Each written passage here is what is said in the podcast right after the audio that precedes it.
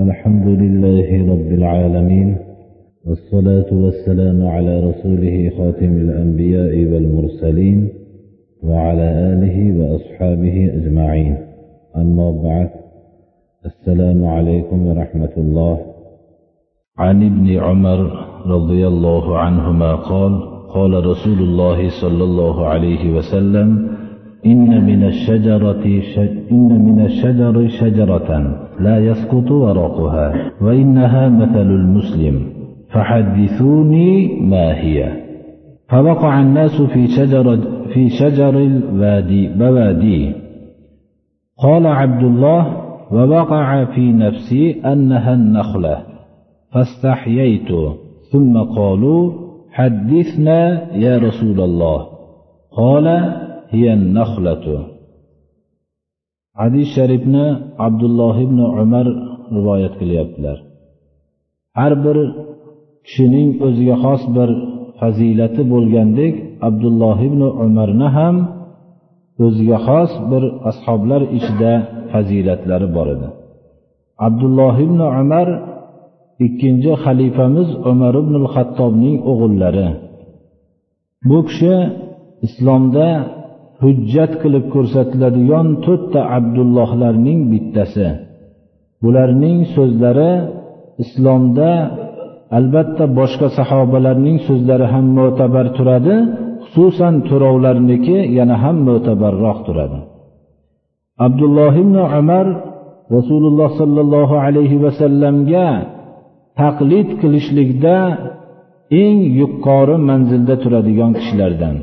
Bu kishi rasululloh sollallohu alayhi vasallam makka bilan madina o'rtasidagi qilgan safarlarida qayerda bir dam olgan bo'lsalar shu yerda biror bir yo'lda bir joyda hatto burilgan bo'lsalar ham abdulloh ibn umar makkadan madinaga qilgan safarlarida shu rasululloh sollallohu alayhi vasallam qaysi o'rinda dam olgan bo'lsalar dam olgilari kelmasa ham dam olib o'tar ekanlar.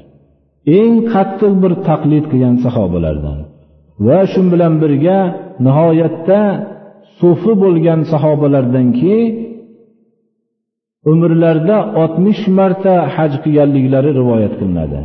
Ming marta umra qilganliklari rivoyat qilinadi. Bu kishi payg'ambarimiz sollallohu alayhi vasallamdan quyidagi hadisni rivoyat qilyaptilar. Daraxtlar ichida bir daraxt borki dedilar bargi tushmaydi dedilar. Bu daraxt musulmonni misolidir dedilar. Xuddi musulmon odamga o'xshaydi dedilar. Bu daraxtning nima ekanligini kim aytadi deb xalqlardan ashoblardan shuni talab qildilar.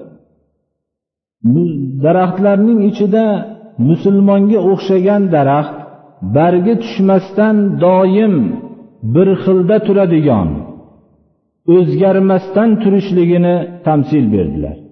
Musulmon kishi ham o'zining har qanday qarshiliklarga har qanday fitnalar kelganda ham o'zining islomiy holatini yo'qotmasdan bargi tushmagan daraxtga o'xshagan o'zining atrofidan bo'layotgan hujumlarning ta'siriga berilib qolmasdan barglari tushmagan daraxtdek turmoqligi kerak. Shu daraxtning nima ekanligini so'raganlarida odamlar sahrodagi daraxtlarni fikrlab aytisha boshlashdi. Abdulloh ibn umar aytadilarki bu kishi yosh bo'lganlar bu vaqtda. Dilimga xurmo daraxti deb aytgim keldi lekin atrofimda katta sahobalar bo'lganligi uchun ular indashmaganligiga men uyaldim dedilar. Keyin ashoblar o'zlari yo rasululloh bu daraxt nima ekanligini o'zingiz aytib bering deganlarda xurmo daraxti dedilar. Payg'ambarimiz sollallohu alayhi vasallam sahro daraxtlaridan bir daraxtni ixtiyor qildilarki go'yoki topishmoqqa o'xshagan misol qilib bu daraxtning bargi tushmasligini mevalari davomiy bo'lishligini bargi tushmasligi sababli soyasi ham yo'qolmasligini manfaati doim bo'lib turishligini misol qildilar. Va shu daraxt ni musulmon kishiga o'xshatdilar. Musulmon kishi ham o'zini manfaatini davomiy bo'lishligida tashqi muhitdagi ta'sirlarga berilmasdan o'zining islomiy holatini o'zgartirmasligiga shu ma'noni ashoblarning qalbiga mustahkam qilmoqchi bo'ldilar. Qaysi bir masala suol tariqasida javob qilinsa u masala kishilarning qalbida mustahkamroq o'rnab qoladi. Xususan savolni berib odamlarning ixtiyoriga tashlangandan keyin ular bu haqda ko'p fikrlarni qiynaganda ham topilmagandan keyin mutakallim tarafidan shu narsani aytib berilinsa bu esdan chiqmaydiganroq bo'lib o'rnaydi. Ana musulmon kishining payg'ambarimiz sollallohu alayhi vasallam manfaatini davomiy bo'lishligini va tashqi muhitlarga berilib qolib o'zining islomiy holatini yo'qotib qolmasligi zarur ekanligini tushuntirishlikka misol olib kelib xurmo daraxtini berkitib ulargadan suol qildilar. Bu suol qilinishlik natijasida ularga musulmon kishi qanday bo'lishligi ham mustahkamroq o'rnab qoldi. Bizni islomiy an'analarni bir tekshirib ko'rilsa xususan rasululloh sollallohu alayhi vasallam ashoblarning bir imtihon qilgan ba'zi suollariga bir nazar tashlansa shu bilan islomiy tuyg'ularni kishilarning qalbiga o'rnatishlik bo'lgan. Misol tariqasida shuni topishmoq uslubida aytgan bo'lsalar desak shu topishmoq uslubida aytilingan narsa ham musulmonlarning islomiy tuyg'ularni qalblarga mahkam o'rnatishlik maqsad bo'lgan.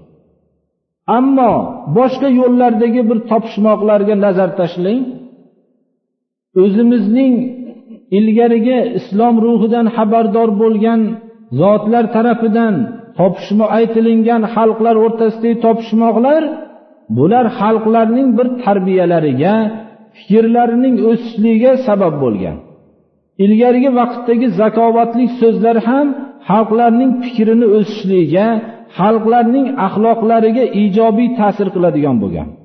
Ammo din maslakini hayotdan olib tashlangandan keyingi bir to'qilgan topishmoqlarga nazar tashlang odamlarni hayosiz qilishlikka axloqdan chetlatishlikka mana shu narsalarga o'z öz o'zidan shu yo'lga tushib qolingan butun fahsh so'zlarni bekitilingan.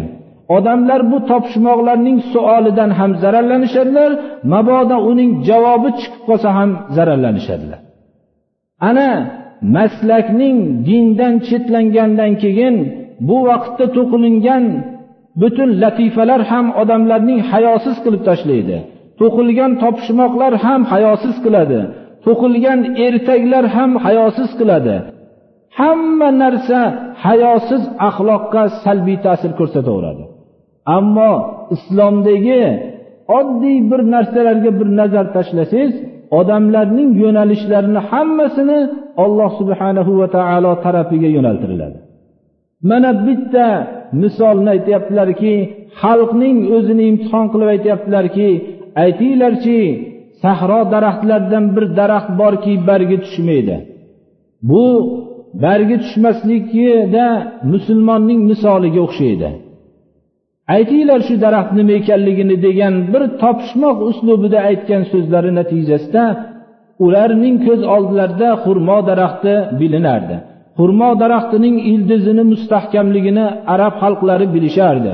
Barglarining tushmasdan odamlarga soya bilan manfaatlantirishligini bilishardilar va barglari tushmasdan bir xilda o'zgarmasdan turishligini ham bilishardilar.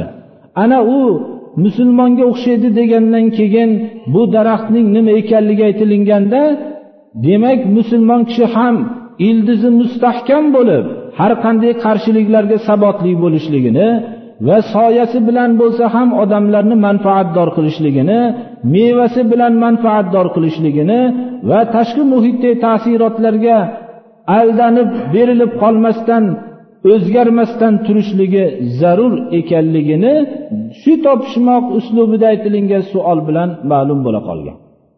Mana bu islomdagi bitta aytilingan topishmoq uslubida rasululloh sollallohu alayhi vasallam atrofdagi kishilarning imtihon qilganlarning misolidir ba'zi rivoyatlarda keladi abdulloh ibn umar uyga kelganlaridan keyin dadalari umar ibn xattobga aytdilarki e, meni qalbimga xurmo degan so'z keluvdi aytmoqchi edim shunda katta ashoblar turganliklarini ko'rib uyaldim deganlarida shu so'zni xurmo deb aytishliging menga qizil tuyalarni olib kelganingdan ham yaxshiroq edi dedilar.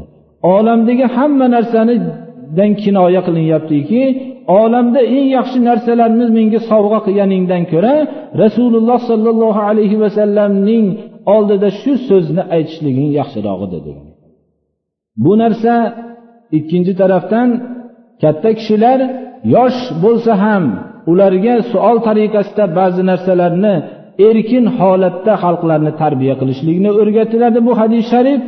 Ikkinchi tarafdan otalar ham o'zlarining farzandlarini mana bunday holat vaqtida ayt sen gapirmagin bu narsa to'g'ri narsa bo'lsa ham indamagin degan narsani o'rgatmasdan balki haq bo'lsa sen biror gapirib shu yerda yaxshi bir ularning duolarini olishlikka sabab bo'lgin deb ta'lim bermoqlikni ham bu hadis sharif bizga o'rgatadi alloh subhanahu va taolo hammamizga islomiy an'analarga amal qilishlikni alloh hammamizga nasib qilsin اهدنا الصراط المستقيم صراط الذين أنعمت عليهم غير المغضوب عليهم ولا الضالين